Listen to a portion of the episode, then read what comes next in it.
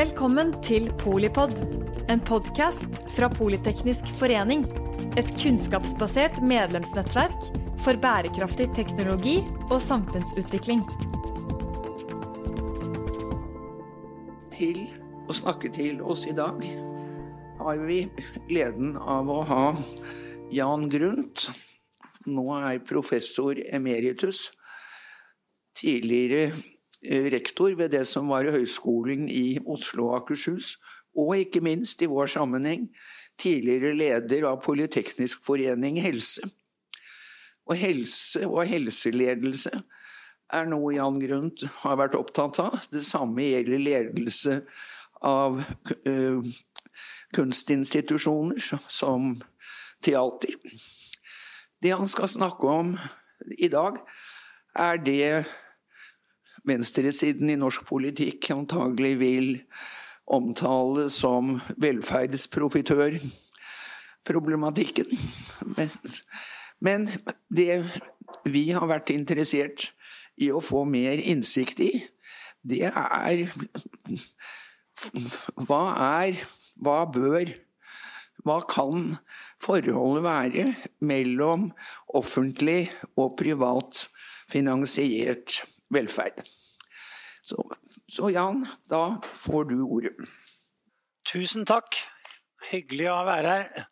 Politeknisk forening har jo alltid vært, og fortsetter også å være, se, en viktig arena for å diskutere vanskelige og viktige politiske spørsmål. Og det er vel få politiske saker som skaper like stort engasjement som dette mellom forholdet mellom privat og, og offentlige velferdstjenester. Jeg har jo faglig jobbet en del med dette i helse. Men jeg har jo også jobbet som eh, kan du si da, rektor, og jeg har også vært prorektor på en privat institusjon. På eh, Handelshøyskolen BI. Jeg husker at Da var jeg også leder av nettverk for de private eh, institusjonene, og Kirsti var leder av de offentlige.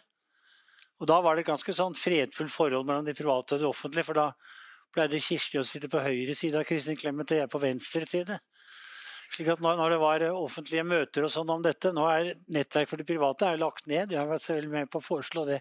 slik at De er jo integrert, slik at nå er det et felles arena for offentlige og private institusjoner. Og Det skulle jeg ønske litt var mer også i velferdstjenesten, for å si det sånn. At det ikke er så konfliktfylt alltid. Det er klart For meg, jeg, jeg kommer til å vise at jeg er på en måte preget av liksom to ting. Jeg er politisk rent sånn pragmatisk. Jeg er jo sosialist i hjertet, men litt mer kapitalist i hjerne. Og kunst og kultur i det daglige. For det sånn, så jeg har jo brytninger mellom alle disse tre sidene som på en måte samfunnet litt dreier seg om også. Og det er å finne balanse mellom disse kreftene jeg er opptatt av. Jeg syns det er altfor mye sånn konflikter i samfunnet. Og jeg syns at man på en eller annen måte må prøve å være enige om noen grunnleggende ting. Og kan si at Hvis jeg liksom begynner litt med det med, med BI, da, som jo har inspirert meg mye, så var det jo en veldig fordel for BI sammenlignet med denne veldig harde diskusjonen som nå er om velferdstjenester, at det var ingen som kunne ta ut profitt der. Og Jeg måtte møte på Stortinget, jeg måtte forklare mine venner i Arbeiderpartiet. De trodde at noen satt og tok ut profitt av BI. Jeg fortalte dem at BI er en privat stiftelse, det er ingen som tar ut profitt her. Jeg husker særlig jeg fikk Yngve Haagensen veldig inspirert av BI. Vi reiste land og strand rundt og sa at vi utdannet ungdommer rundt omkring i Norge slik at de på en måte fikk en god sosialdemokratisk utdanning. Slik at eh, vi slapp det problemet som nå man mye har, at det er noen som tar ut altfor mye profitt av privat velferd, og dermed så blir det et veldig sånn skremmeskudd. Og dermed så har man litt fra ytterste venstre siden litt vunnet kampen om at det er egentlig mye viktigere å si at man er mot privat profitt, enn egentlig å finne velferd for de menneskene som egentlig trenger virkelig velferdstjenester, både fra privat og det offentlige. Og det er, det er noen forskjeller i driften på privat og offentlig. Og det slo meg da jeg så intervjuet med Gudmund, Gudmund Hernes for noen dager siden i VG. Hvor han sa at han syntes det var veldig fint at han, eh, han, var fremdeles professor. Og det kunne være fordi han jobba på BI. Han jobba i en offentlig institusjon som hadde gått av for ti år siden. For det er litt andre, altså litt mer fleksible ansettelsesvilkår, f.eks. På en del private institusjoner, selv om man skal holde seg til omtrent samme type lovverk, da, så kan man praktisere ting annerledes i privat og offentlig. Og det er jo litt å utnytte dynamikken, det at noe er forskjellig, som er, er, er fordelen med å ha noe sånn miks av privat og offentlig. Samtidig som man må holde det private i, ørene, slik at det ikke bare blir opptatt av seg selv og tjene penger. Og denne debatten om velferd, og siden du Kirkjås nevnte dette med velferdsprofitører, så er jo dette en veldig dagsaktuell sak. For det, en viktig årsak til at SV ikke ble med i regjering, det var at eh, Arbeiderpartiet og Senterpartiet ville ikke være med på at det skulle stå at man var mot profitt i velferden. Det ville ikke de ha inn i Hurdalsplattformen, det ville SV ha inn i Hurdalsplattformen. Så en grunn til at det røk, Eh, ved at ble SV kom med i regjering, det var nettopp dette forholdet til profitt i velferden. Men nå har de vunnet fram i budsjettforhandlingene. Så vant SV fram ved at det ble vedtatt at Stortinget ber regjeringen innen mars 2022 nedsette et offentlig utvalg som skal utrede hvordan kommersiell drift kan utfases i ulike skattefinansierte velferdstjenester, og legge fram en egen nullprofittmodell for hver sektor Utvalget skal også foreslå en juridisk definisjon for ideelle driftsformer. Og dette var en stor seier for SV. Og det er så Trygve Slagsvold Vedum uttalte i Aftenposten i forrige uke om at man kan jo utrede hva som helst, som han sa.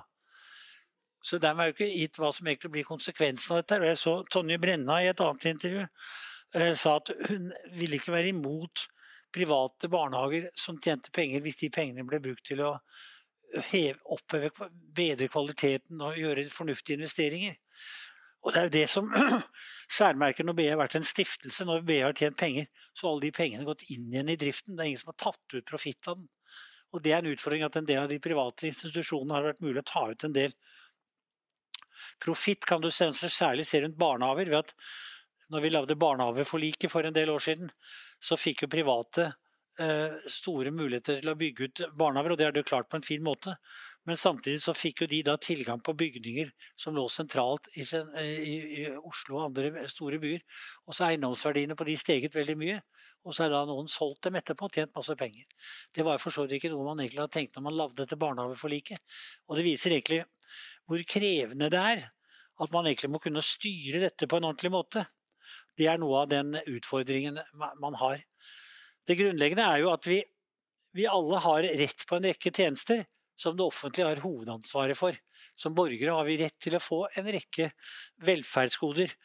Og så er det da opp til det offentlige om de vil levere alt dette selv, eller om de vil delegere noe av dette til private. For det Borgerne har rett på disse velferdstjenestene, men så kan eieren si at eh, du kan gjerne overlate det til en ideell eller en kommersiell privat aktør. Og en offentlig utredning, Velferdstjenesteutvalget, visste at 20% av all velferd i Norge blir utført av private. Og det er alt fra en privat eh, fastlegen, f.eks. Noen av de som egentlig er noen av de viktigste aktørene i, i, i velferdsstaten. for så Alle må være en god fastlege, og han er privat. Og det er, det er, en veldig variasjon. Og så har du noen store barnehagekonsern. Så det er en veldig variert gruppe, disse 20 prosentene. Og du kan si at Vi har private eh, sykehus sånn som Lovisenberg og, og, og Diakonhjemmet. Men, men, det eneste de nesten egentlig har full herredømme over der, er, er jo egentlig nesten bare flaggstangene. Det meste er i, i offentlig eie og regi der. Så de, de, de får jo alle sine, mesteparten av sine penger fra, fra, fra, det offentlige. Så utfordringen er litt hvordan man egentlig skal diskutere dette her. Og det er mange argumenter både for og imot eh, privat og offentlig drift. altså. Og det jeg skal komme noe nærmere tilbake til. Jeg hører jo til de som mener at bruk av private aktører kan bidra til mangfold og gi brukerne valgmuligheter, og bidra til innovasjon og utvikle nettverk og sånn. På den annen side så kan for mye bruk av private, hvis private tar ut altfor mye profitt, så svekker man på en måte legitimiteten til hele velferdsstaten. Og Dermed kan det skape store problemer. Hvis det er for mange som tar ut for mye, mye penger, så skaper det dårlig legitimitet for bruk av private. Så det må styres, altså. Men, men altså de, de, de, de, som har lansert dette begrepet velferdsprofitør, de har jo vært veldig eh, lure. Fordi de har koblet dette i samme ordet velferdsprofitør.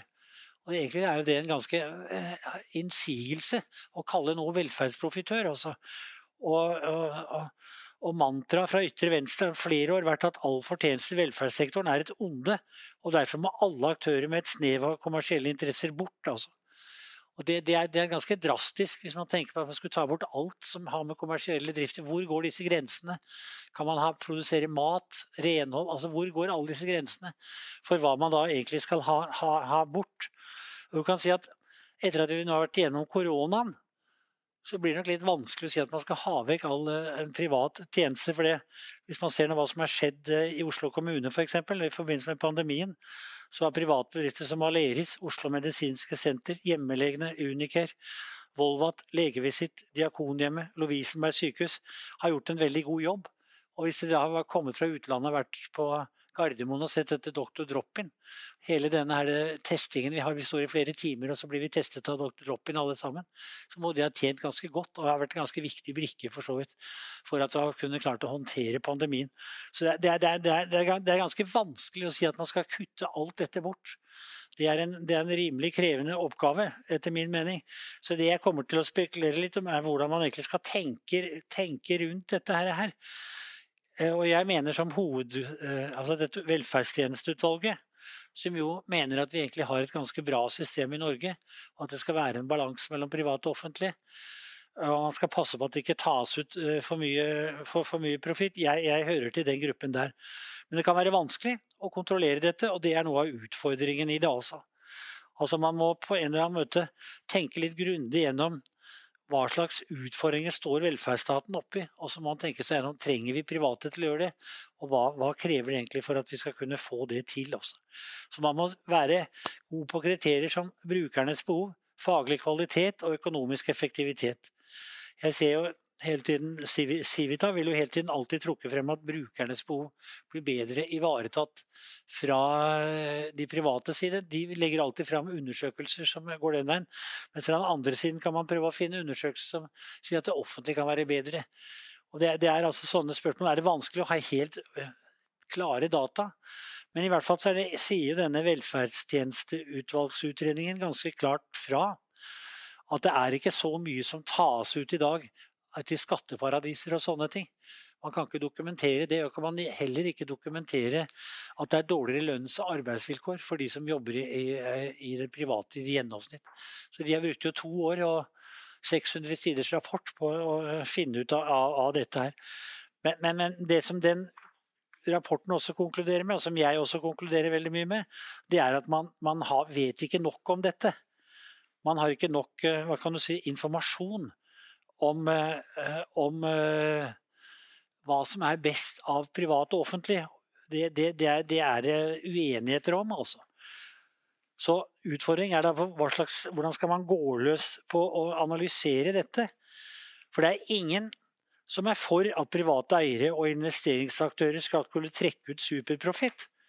Det er det jo ingen som vil. Det er jo ingen som mener at det er riktig. At det skal kunne trekkes ut superprofitt.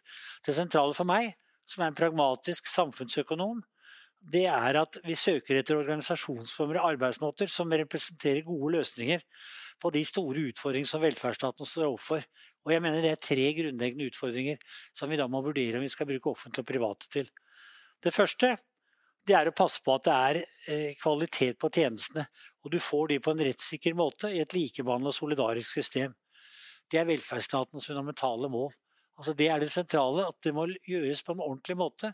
Og rettssikkerhet er veldig viktig her. Tjenestene og tjenestene må ha kvalitet. Det andre det er at vi er nødt til å ha kontinuerlig tjenesteutvikling og innovasjon.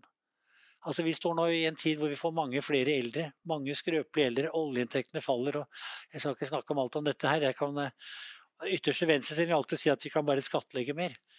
Men jeg hører til de som sier at det må være en balanse her. Vi kan skattlegge noe mer, og det må høyresida være med på. At noe mer skatt kan det bli. Men når vi skal løse alle de oppgavene vi står oppe i fremover, så blir det en krevende greie. Oljefondet kan falle, selv om Jens Stoltenberg nå er blitt sentralbanksjef. Så kan oljeinntekter og det kan bli verre og vanskeligere tider i, i, i, i fremtiden. Så vi, vi, vi må på en eller annen måte være opptatt av å få innovasjon å utvikle eh, tjenestetilbudet. I fremtiden, når det gjelder helsevesenet, så vil man sannsynligvis trenge så mye teknologi for å holde oss gamle hjemme. Og da må du få utvikle masse nye innovative, teknologiske innovative Det skal jo snakke om teknologi eh, neste gang, tror jeg. Det er klart at det, det, er en enorm utfordring i hvordan du kan utvikle helseteknologi på en sånn måte at ikke alle vi gamle som kommer nå, overbelaster helsevesenet. Og det, Å få til det uten bruk av private aktører, det tror jeg er rimelig krevende. Altså, for å si det sånn. Det, det, det, her trengs det masse kreativitet. Men så er det den tredje utfordringen. Og det er å sikre bred politisk oppslutning om en universell modell. Det vil altså si at det skal ikke være avhengig av at du har penger for å få tjenester. Så de tjenestene som det private tilbyr, må i stor grad finansieres av det offentlige. Altså det, det, må ikke være sånn at det er bare de som har god råd, som kan kjøpe seg luksustilbud.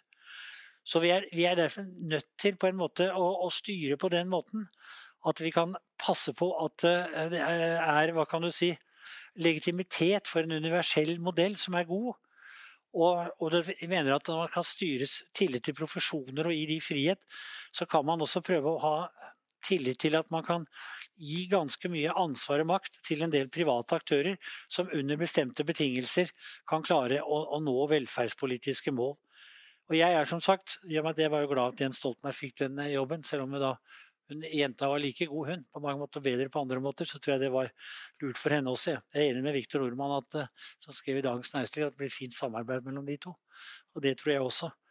Og, og, og Jens Stoltenberg har formulert i sin memoarbok, og det er det samme som jeg står for, at du må ikke være redd for private løsninger dersom de faktisk gir bedre resultater. Dessverre mener jeg at det er for mange nå av, min, jeg er medlem av, av Norske Arbeiderparti, som eh, er for aggressive mot private. At man på en eller annen måte har laget en, en logikk i Arbeiderpartiet hvor man er blitt mye mer motstander av, av private. Jeg minnes tilbake på at jeg nesten fikk, nei, nesten fikk Jonas Gahr Støre til å begynne å jobbe på BI. Han kommer fra, fra Røde Kors også, og ser hva det ideelle, ideelle gjør. Men, men, det er nå så. Jeg mener altså at man på mange måter skal man bevare en, en sterk privat, eh, en norsk velferdsstat, så tror jeg man trenger en, en, blanding av private og offentlige for å løse alle disse oppgavene. Jeg tror BI har gjort dette på utdanningsområdet. Jeg tror også TV 2 har bidratt til at NRK har blitt bedre. Altså at det er, det er, hele tiden en slags dynamikk og konkurranse i dette, men det er ikke belyst ordentlig.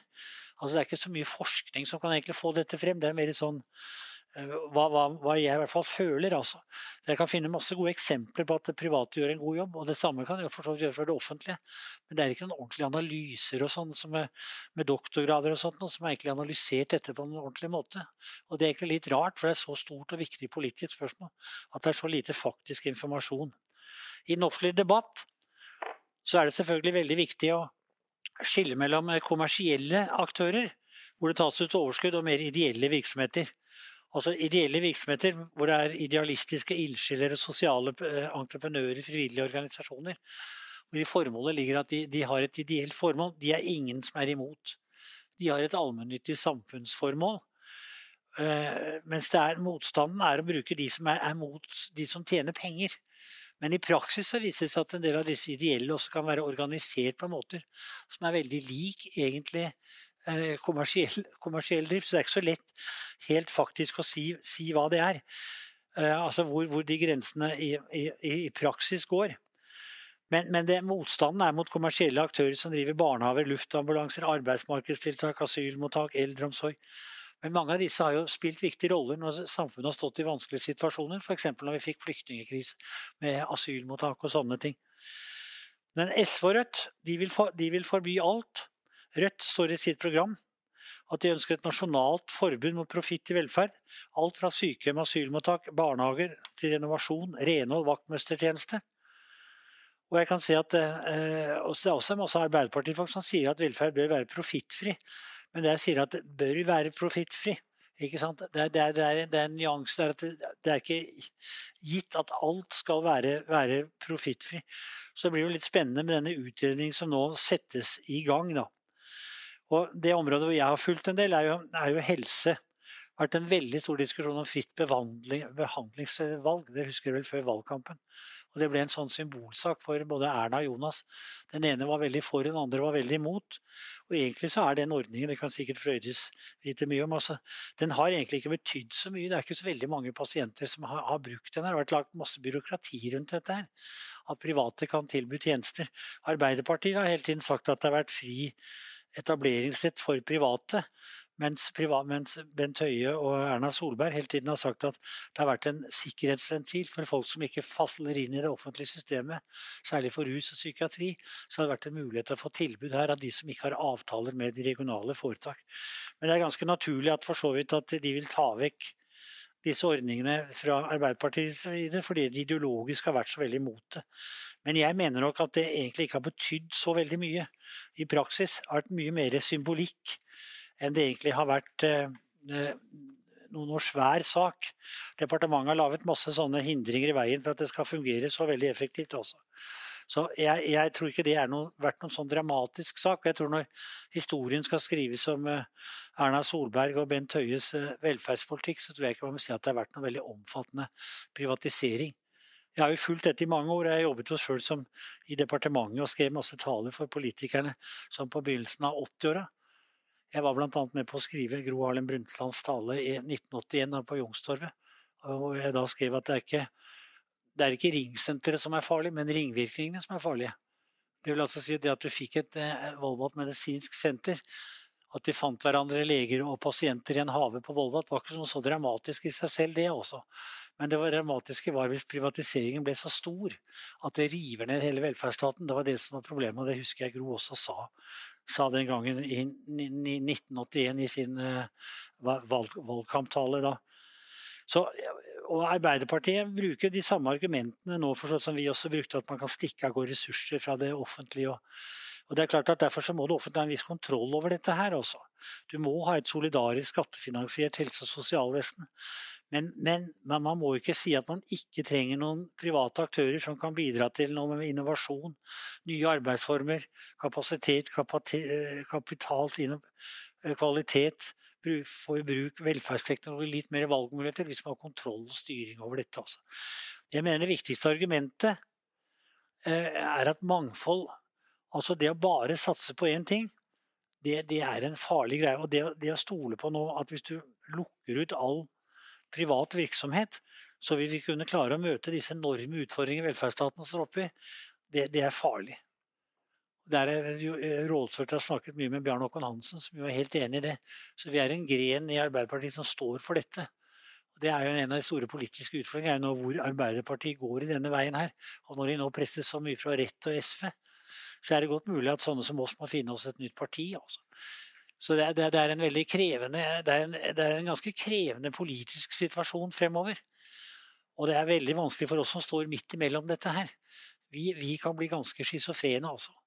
Så hvor man egentlig går i politikken, det, det, er noe så. Men jeg mener at uansett så skal man da når man, Jeg så at eh, foredraget var jo kalt 'Hva skal man legge vekt på?' Man skal jo legge vekt på at man har en ideologi, selvfølgelig. Og jeg mener at det viktigste ideologien er at det skal være tilgjengelighet og kvalitet for alle. Eh, og så skal man ha kunnskap egentlig om hva som bidrar til de beste løsningene. Og da I noen situasjoner kan det være det private, og i andre situasjoner kan det være det offentlige. Altså. Men ser vi på de private, så er veldig mange av de ganske små virksomheter. Hvor det er fagkunnskapen hos medarbeiderne, fastleger, psykologspesialister, som er den sentrale produksjonsfaktoren. Og det kreves det lite egenkapital for å levere tjenester av høy kvalitet. Altså. Og utbyttet er eiers inntekt og eget arbeid. Og Derfor så tror man når man ser at det, det tas ikke ut så mye, mye profitt av disse, de, de tjener sine, sine, penger, så det er ikke noe så dramatiske ting i dette. Altså at det tas ut Det som er problemet, er at det er noen store konserner som kjøper opp mindre virksomheter. Og det har også kommet inn equity-fond og sånn i dette. At det der kan ligge en del ting som man må ha mye mer oppmerksomhet på og kunne klare å styre. Det er den store utfordringen her. Altså man må holde markedsmekanismen i sjakk. Altså. Så jeg liker at det har vært en veldig mye sånn debatt om uh, dette ordet velferdsmiks. Jeg liker da styrt velferdsmiks. Det må være en kontroll og en styring over dette her. For det har blitt bygget en sånn historie om at avkastning på egenkapital er et bevis for superprofitt. Og det, det, vet man ikke helt. og det, det, Den eh, historien er, som det store flertallet velferdstjenester beskriver det, ikke riktig. Og jeg, jeg stoler på det også, at det er, det er riktig det de sier. altså. F.eks. har jeg sett noe nærmere sjøl på eldreomsorgen. Og der er driftsmarginene så lave at jeg mener at det er feil å kalle leverandørene i norsk eldreomsorg for profitører. altså. Det syns jeg er et ganske hardt eh, regnestykke. Det kan være noen sånne store konserner, muligens sånn i Norlandia, at, noe, at, det kan være noe der, at det er noe, noe profitør. Men det, det, det, er det i hvert fall ikke noe ordentlig, ordentlig belegg for. Så kan man si at det som er jo faren med velferdsstaten nå, det er jo egentlig at du får et todelt system. Hvor ressursrike befolkningslag ivaretar sine tjenestebehov ved å kjøpe tjenester av private leverandører som folk med dårlig råd ikke har anledning til. Det er, det er kanskje den aller største utfordringen. Og jeg tror at Jo bedre du gjør det offentlig, og hvis du har litt sånn styrt velferdsmiks, så er det lettere å holde styre unna det, altså. For altså, du kan ikke nekte aktører å etablere helprivate tilbud som folk ønsker å betale for. Det vil alltid være noen helt kommersielle aktører innenfor helse, omsorg, utdanning. Stadig flere av helseforsikringsordninger som gjør det mulig å kjøpe seg fram i helsekø. Kommende eldrebølge og selvbevisst og kravstor middelklasse vil etterspørre private tjenester hvis de ikke er fornøyd med det offentlige. Og vi krever sterk vekst i offentlige bevilgninger for å hindre at vi får et mer todelt system. Og jeg tror at det, det å slippe løs og ha en styrt velferdsmiks kan gjøre dette mulig å håndtere det. altså. Og Det er viktig å ha en god politikk og styring av private tilbud, slik at også folk med lav inntekt kan gjøre, nyttiggjøre seg de tilbudene. Altså, vi, vi, må unngå å få en situasjon Jeg ser jeg begynner også å komme i den alderen hvor jeg får sånn tilbud om eldreomsorg med luksussykehjem og sånn. Og helprivate hjemmetjenester som bare de rikeste kan betale for vi, vi, må unngå å komme i den situasjonen. Altså. Og Da er det viktigere å ha noe styrt velferdsmiks av ordninger som er innenfor en viss form for offentlig kontroll. For blir det ubalanse mellom eh, tilbud og etterspørsel her, så vil vi som er vokst opp av 68-generasjonen, kjøpe oss private tilbud. Så, og dette tror jeg er en kjempeutfordring som politikerne ligger litt sånn nede. Det er en veldig ubehagelig, vanskelig situasjon å, å dis, de, diskutere. For da sier de at det, hele tiden skal være nok penger. Og Oslo kommune bruker nå en god del penger på å kjøpe av private institusjoner. Og jeg lurer på om det er riktig, har jeg sagt til Raymond Johansen, og det å bruke så veldig mye penger på å kjøpe av private barnehager og private sykehjem som drives ganske bra. Er det ikke bedre å gi bedre tilbud istedenfor å bruke masse penger til å kjøpe ut private eiere på områder som det egentlig har gått ganske bra på før? Så jeg, jeg, jeg syns det er litt sånn feil bruk av penger. Så jeg, jeg mener at høyresida her har et argument eh, før neste kommunevalg, at det er brukt en god del penger på kjøp av, av eh, veldrevne private tilbud. Eh, i eldreomsorgen som kanskje kunne pengene vært brukt på en annen måte. Så altså For å liksom komme til en slags sånn konklusjon og mye rundt dette her, så, så, så uh, private aktører i denne debatten er veldig komplisert. Og Det er litt sånn at man kan tra frem alle de tingene man, man legger vekt på. Og det sentrale spørsmålet skal være, er at det offentlige har et sørge-for-ansvar for velferdstjenestene. Altså, spørsmålet er om både kommunene selv, ideelle og kommersielle, skal få være med. Og nesten alle mener at ideelle kan bidra. Og, og mange mener da at det er tilstrekkelig mangfold med kommunale og ideelle aktører. At det er så problematisk at hvis man skal ha med aktører som er avhengig av overskudd, så bør ikke de få delta. Fordi det er galt å tjene penger på å tilby tjenester som delvis er finansiert av det offentlige. Det mener mange. Jeg mener det er et verdiorientert syn også. Altså at det skal være automatisk skal Alle tjener jo penger på en eller annen måte. Og at man skal automatisk lukke de ut. Og det er, det er jo egentlig noe, ligger noe barmhjertighet fra Bibelen i dette her også. At, at, vi alle liksom skal gjøre ting av ideelle årsaker. Men det tror jeg på alle sider i politikken så, så drives vi av andre sider enn det, altså. Og jeg mener altså derfor at det, er, er, Man kan ikke automatisk si at det er galt å tjene penger på å tilby tjenester som delvis er finansiert av det offentlige. Men det kan moralsk noen mene. Men det mener ikke jeg også. Jeg tror det blir veldig vanskelig å praktisere et sånt samfunn hvor man skal sette disse grensene. Jeg husker jeg, jeg, jeg, sa til Jonas i forbindelse med det at det, man skulle begynne å dekke all den maten på øh, barne... Altså tilby gratis skolemat og sånn. Skal det offentlige betale dette her? Skal dere ikke kjøpe noen tjenester av det private? Skal liksom det offentlige nå bli et godt kjøkken også for alle? Det, det, er, det, er, noen utfordringer å lage regler og spilleregler for dette også. Så dette er, og det finnes ikke noen, noen, noen helt sikkerheter man kan si om at man har altfor lite kunnskap. Altså helt faktisk om styrker og svakheter og alt dette. Vi mener mange ting på, på, på begge sider. Og det er, det er, for lite forskning på det. Det er alltid lurt fra en professor, så der trengs det mer forskning også. Men, men altså, jeg har ikke sett dataforskning som sannsynliggjør at ideelle aktører heller kan bygge opp like mye kapasitet som de kommersielle tilbudene har i dag. At det, at det å liksom si at alt dette skal drives av ideelle uten at man skal ha noe kommersielt inn i dette her. Ofte har kommersielle overtatt en del av det ideelle og satt det inn i et større system, slik at det er blitt mer synergier og profesjonell drift av dette her. Jeg hørte i helgen på en sånn podkast av en av eh, aktørene i svensk eldreomsorg som mange jo har kritisert. Da, for det har vært for mye private tilbud. Men det, egentlig så er det årsaken til at det har gått dårlig med eldreomsorgen i Sverige, er egentlig at den har vært dårlig styrt. altså. Ikke at det har vært eldre, at det, ikke at det har vært private aktører der, men de har ikke hatt det samme systemet som Camilla Stoltenberg har sagt til meg, med hele dette samspillet med smitteoverlegene i kommunene. At det er det store problemet der. Og når jeg hørte en sånn kommersiell aktør der, hvordan han la vekt på å møte de, de eldre på en fornuftig måte, innførte ny teknologi på sykehjemmene og sånn, så er det mye kreativitet i dette som vi ikke offentlig klarer å planlegge også. Og jeg mener altså at mangfold er for meg det aller viktigste. Og da mener jeg at det er, er Spørsmålet er det riktig å utelate aktører som er organisert som aksjeselskap, som er avhengig av overskudd, og som kan bidra med kapasitet, kvalitet og nye arbeidsformer. Jeg hadde jo håpet kanskje at flere av dette var organisert som vi er på BI som stiftelse. da. For da, da, ikke, da, får du ikke den diskusjonen. Det er også mye rart med stiftelser. Så det er mye triksing der òg. Det kan også holde et annet type foredrag om. Så, men det er i hvert fall det er ingen som stikker av gårde med, med, med overskudd og profitten. Det sitter ikke noen sånne eiere som sagt så minnes jeg enda det jeg var nede på Stortinget og noen trodde at Røkke stakk av gårde med, med profitten når vi skulle bygge eh, BBI i Nydalen. Altså. Og Det var jo selvfølgelig ikke han som gjorde han, han bidro til å hjelpe oss han, til å faktisk komme i gang og bygge Nydalen. Som etterpå har vist, vist seg å være en suksess ved at han ga støtte til en del forskning i starten der. Og når vi nå fremover vet at handlingsrommet for staten og kommunenes budsjetter vil bli, vil bli mindre, det, det, det, må vi bare erkjenne. Altså det er vanskelig sånn å si helt presist hvordan økonomien blir fremover. Der hvor det er to økonomer, er det tre meninger. Men jeg velger å stole på at en del av disse tingene som er lagt frem i perspektivmeldingen, de er ganske dramatiske. Det er ingen politikere som egentlig diskuterer de så veldig mye. Men faktisk viser i perspektivmeldingen at når man skal dekke utgiftene for eldre fremover, at det blir mange flere eldre med pensjoner og alt dette, så er det ikke noe frihetsrom igjen når oljeinntektene begynner å falle. At det vil si at Skal man prioritere noe i fremtiden, så må man sette noe ned.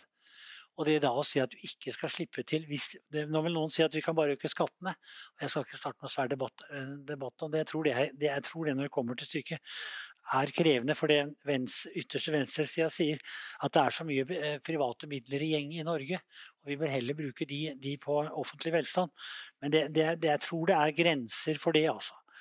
Så også som sagt så har vi under pandemien sett hvor viktig det er med private aktører. Vi har sett at eh, private aktører har fått opp testkapasitet. Og det er veldig mye som fungerer bra i Norge i dag.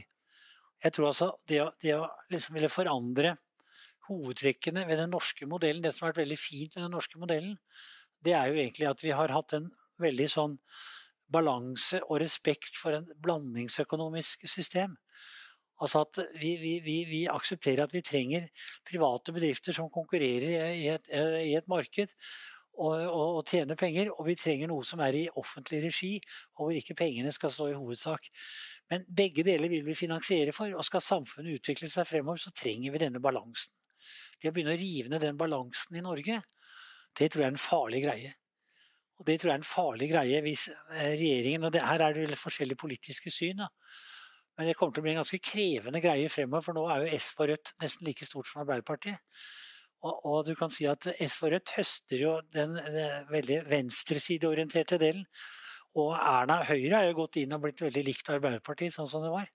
Jeg ser ikke noe særlig forskjell på Høyre og Arbeiderpartiet i det hele tatt, jeg også, for å være ærlig. Jeg trives nesten bedre sammen med Torbjørn Røe Isaksen og Bent Høie enn med noen av mine venner i Arbeiderpartiet. Så jeg ser ikke noen av disse store forskjellene mellom de to partiene, men de skal liksom bli så aggressive på hverandre. De skal liksom, eh, eh, liksom late, prøve å si utad at det er så veldig store forskjeller på dem. Men det er det etter min mening ikke. Og det er grunnen til at Rødt og SV øker så vidt sterkt. Så Arbeiderpartiet har et stort eksistensielt problem også. Mitt eget parti, og jeg vet ikke helt hvordan det kommer til å gå. Men jeg driver ikke noe, noe politikk. Jeg har sagt nei til politiske verv, for jeg liker ikke å være sånn at jeg skal skjelle ut noen andre. Altså jeg synes Politikken er så veldig sånn at eh, når du sier noe fra én side, så skal du alltid være motstander av dem. Og det, det, det, det liker jeg ikke. For det egentlig burde vært mye mer at politikk, og det burde særlig vært på dette feltet her, at man kan utvikle seg sammen og si at det er et felles utfordring og oppgave man skal løse. Og det å løse fremtidens velferdsutfordringer, det er ingen enkel sak, altså. Og det trengs enormt mye innovasjon, kreativitet, teknologiutvikling på dette området her, hvor altså de store kundene blir eh, veldig mye eldre med, med, mange forskjellige former for lidelser som vil trenge teknologi for at de skal kunne klare å mestre sine eh, liv, liv, godt. Altså. Og det, Utfordringen er jo at man, man, trenger egentlig læring. Er det noe jeg har lært gjennom et langt liv, så er det det at det, den viktigste mekanismen er at hvis du tror du er ferdig utlært, så er du bare ferdig, men ikke utlært. Altså, du må ha arenaer og mekanismer hele tiden som fremmer læring.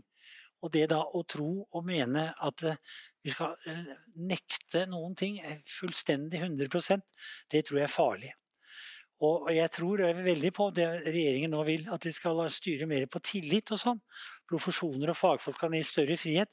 Men da mener jeg også at man har en litt sånn tro på at mangfold av forskjellige velferdsleverandører integrert i det offentlige velferdsansvaret også kan bidra til en stadig bedre velferdsstat. Men for å få til det, så må man ha mye mer kunnskap om hvordan faktisk forholdet mellom privat og offentlig virker. Det er for mye sånn synsing her. Og det var et tankekors for meg når vi hadde et velferdstjenesteutvalg som brukte to år og 600 sider og 15 mann og fant så vidt lite forskning for å belyse egentlig forholdet mellom privat og offentlig, at det er veldig rart at vi ikke har forsket mer på dette, altså vet mer om dette. Men det, som sagt, det som er, er det, det, viktige for meg, da, det er hele tiden at det er åpenhet om alle sider ved privates aktiviteter. Og her kan det være mer profesjonell styring. Det har vært vanskelig å få tilgang på regnskapsforhold i en del privat virksomhet. Og der må man selvfølgelig ha åpenhet. altså. Man må ikke skjule ting, altså. Men som sagt, det de fant ut av i dette velferdstjenesteutvalget, var at det ikke var så mye snusk som noen sier. Jeg hører er jo alltid når Audun Lysbakken snakker, så snakker han om at det forsvinner masse penger inn i, i skatteparadiser og sånn. Det fant ikke dette velferdstjenesteutvalget. Det er en del sånne store det er noen fond og sånn inni her, men, men det, oljefondet vårt lever jo også av disse fondene. Ikke sant? Så, så, så vi, vi, det er det at vi skal være veldig moralske på en måte. Samtidig har vi veldig mye glede av det på den andre sida. Så vi er ikke helt konsistente i alt dette her. Og det må bare erkjenne at vi mennesker vi er en blanding av en ganske streng etikk og en, en rasjonell løsning. Også. Så det, det, man må få, det er at man må få åpenhet om alle sider ved de privates aktiviteter. Så må man være en god, klok regulering.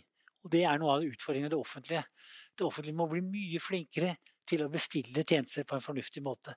Jeg har sett en del sånne anbudskonkurranser, og da kan du ikke bare liksom legge vekt på pris. Du må legge inn andre ting når du skal lage Jeg så at det var en fin ting jeg så nå på Oslo kommune vi har jobbet litt med. At de sa at de la inn i sånne kontrakter i byggeprosjekter antall læringer. Altså at de må ha, ha, folk som går i læring for at de skal få et anbud. Det er ikke bare om å gjøre det billigst. Altså det offentlige må være ganske sånn profesjonell i bestillerrollen sin. Og det er nok noe av den største utfordringen.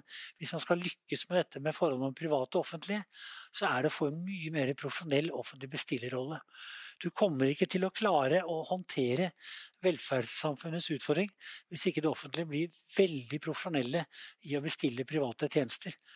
Og, ville, og Oslo kommune var veldig flinke før de, da de brukte både offentlige og private.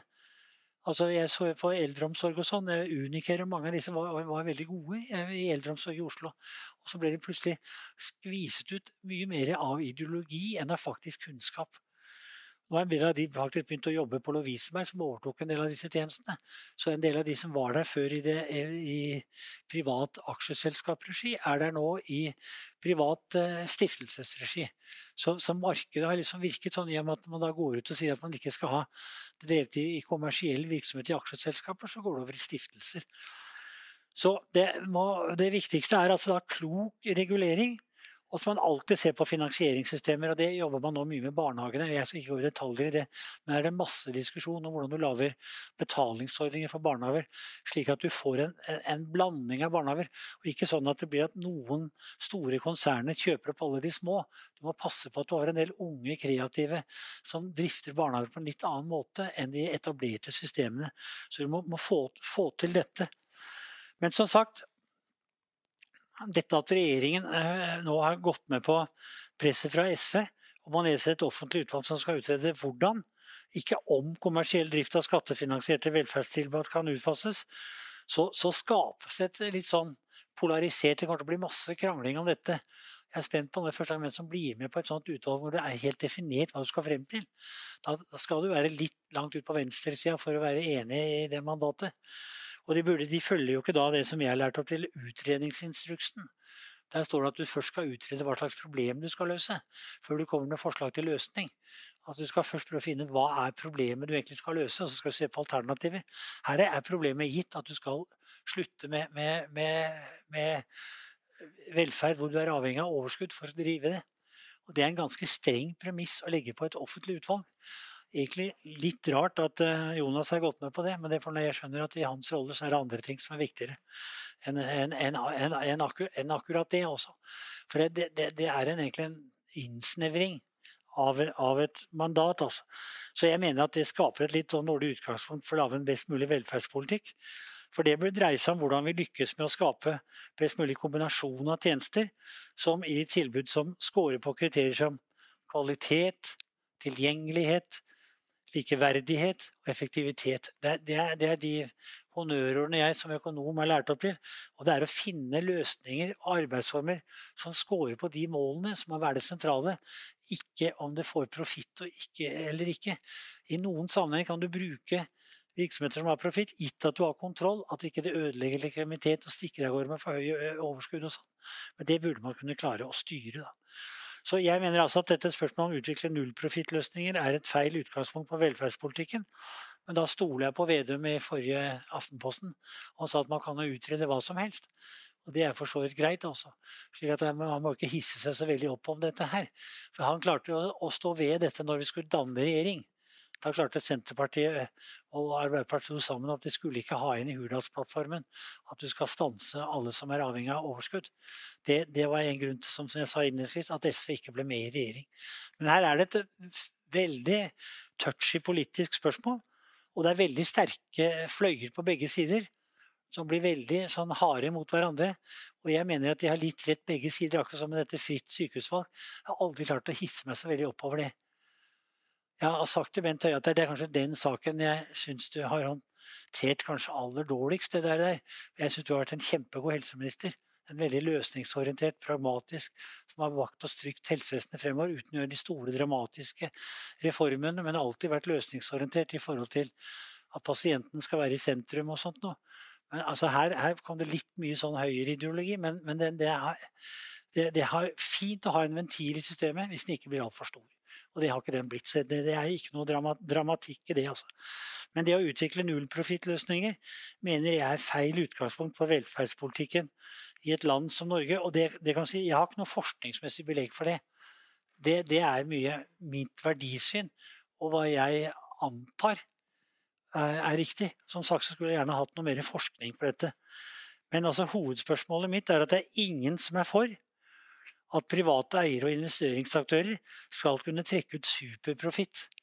Altså profitt over det overnaturlige, som velferdstjenesteutvalget ikke klarer å finne ut av. At det, I hovedsak så har det, har mindre overskudd i privat helse og velferd enn de har annen ordinær aksjeselskap. Men de har ikke klart å regne ut om eieravkastningen men nå mener velferdstjenesteutvalget at eieravkastning ikke er så relevant begrep, i og med at det først og fremst er de enkelte små aktører som eier sin egen arbeidskraft. Og når det offentlige bruker penger, så er det i hvert fall ikke stukket av gårde til høye overskudd. Det er i hvert fall ikke, ikke, ikke skjedd, altså. Men som sagt, det som er viktig når man skal uh, finne ut av uh, forholdet mellom offentlig og privat, det er å tenke gjennom hvilke spilleregler det er det politikk dreier seg om. Politikk dreier seg om å lage spilleregler som aktører må tilpasse seg. Og da må du tenke gjennom hvilke spilleregler er det som bidrar til mest mulig velferd med de ressurser som vi som samfunn vil bruke på dette politikkområdet.